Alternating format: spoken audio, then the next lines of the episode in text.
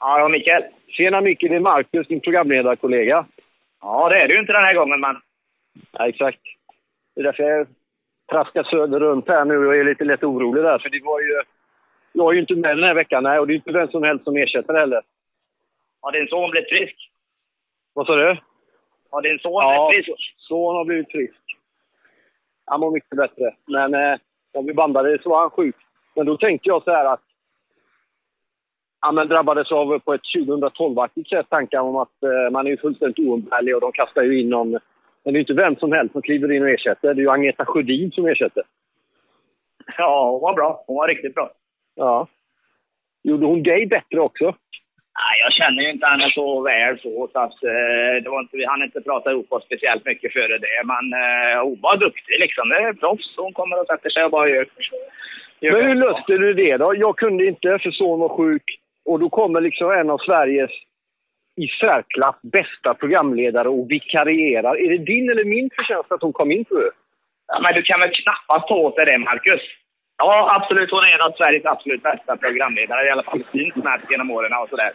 Ja. Eh, Men jag är, jag är ju en av Sveriges bästa arrangörer. Jag låter ju ingenting bara rulla iväg. Liksom. Skulle jag suttit där själv då med den här Leif Ivan? Ja, kanske inte.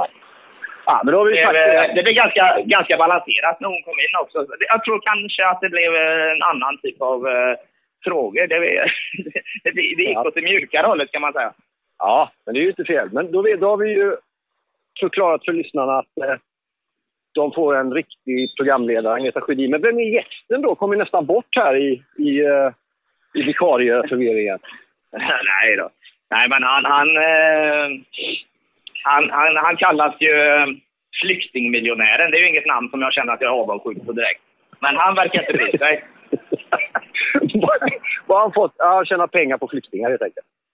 Ja, fast det är ju en liten del. Han, han var väl med lite grann i den här bommen med och hade väl en flyktingförläggning. Eh, då inte, inte i den skalan som Bert eh, och, och de här gubbarna, men, men eh, han, han har ändå haft en verksamhet där han eh, ja, fick, fick kritik för att eh, det inte sköttes på ett rätt sätt och sådär. Och, och därav detta namnet då, flykting, flyktingmiljonären. Eh, Leif Ja, Ivan okej. Karlsson. Leif Ivan Karlsson. Ja.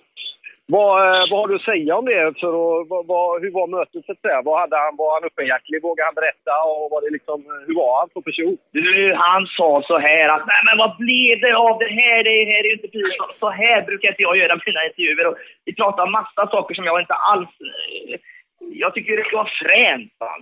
Han vill ha det här lite mer tuffa lattjo-grejen. Ah. Men det låter ju bra ju.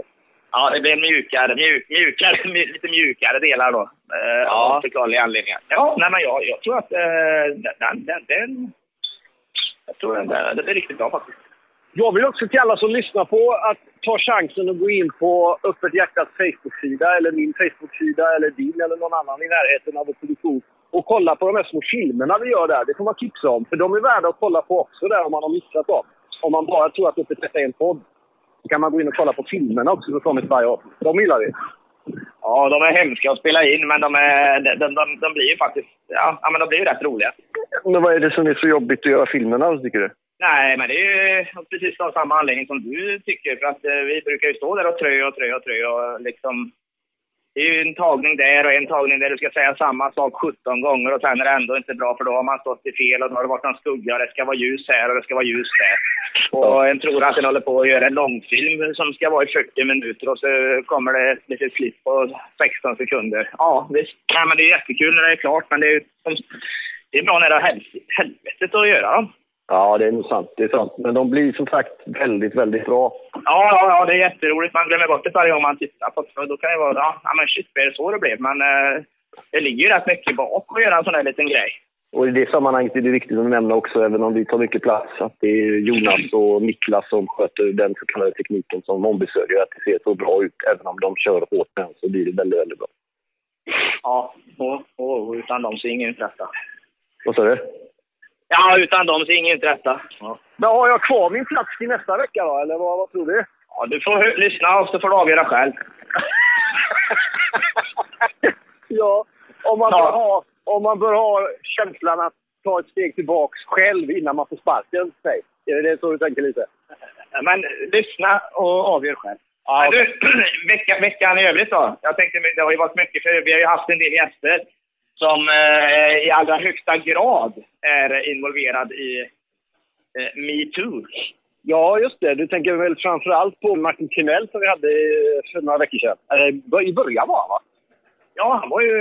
Jag undrar om inte han var en av de absolut första. Nej, först var ju Sanna Lundell ut, men eh, jag tror att Martin Timell spelades in före. Ja, exakt. Precis så var det. Han var det första vi överhuvudtaget träffade när vi hade... Eh, när vi bestämde oss för att göra en podd så var Martin Timell den första som kom. Men eh, ja. då visste vi ju inte om det här, eller gjorde vi det? Nej, alltså vi var väl inne och, och, och pratade, försökte väl liksom fråga lite grann om hur stämningen var på arbetsplatsen och sådär. Men, men, men eh, nu har det blivit väldigt jobbigt för, eh, ja, för TV4 och allting. Liksom, han, det, det är ju slut alltihopa. Ja. Jag tycker det är intressant att se vilken vändning den tar. För det var ju, först var det ju han och bara han. Det sista är i dagarna nu och idag och så när det här pratas i tisdag så handlar det väl väldigt mycket om cheferna som är hans nära vänner och om det påverkar omdömet under de här åren det här pågår. Så det där lär inte ta slut än. Det lär rulla ett tag. Nej, nej, det absolut, absolut. Och det var ju så, men om man ser bara själva metoo-grejen då, om, om vi bortser från Martin och, och chefer och vilka eh, kompisar han har och inte, så, så vad tycker du om det?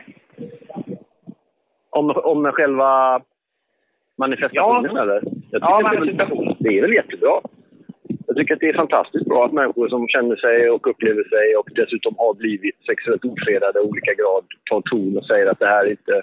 Man får som man rannsaka sig själv och tänka hur har jag betett mig? När betedde jag mig? Vad kan jag göra för att ändra? Har jag befunnit mig i det här gränslandet? Ja. I huvudsak kan vi väl säga att vi är väldigt positiva till detta. Ja, absolut, absolut. I huvudsak är jag väldigt positiv med det. Alla människor som känner sig utnyttjade och drabbade och som tar ton, det är väldigt bra. Och jag tycker det är viktigt att män rannsakar sig själva. Det är någonting män är dåliga på så är det att gå in till sig själva. De bara söker allting utanför sig själva jämt hela tiden. Man måste rannsaka sig själv som man, som människa. För att ta reda på hur man egentligen mår och vem man är.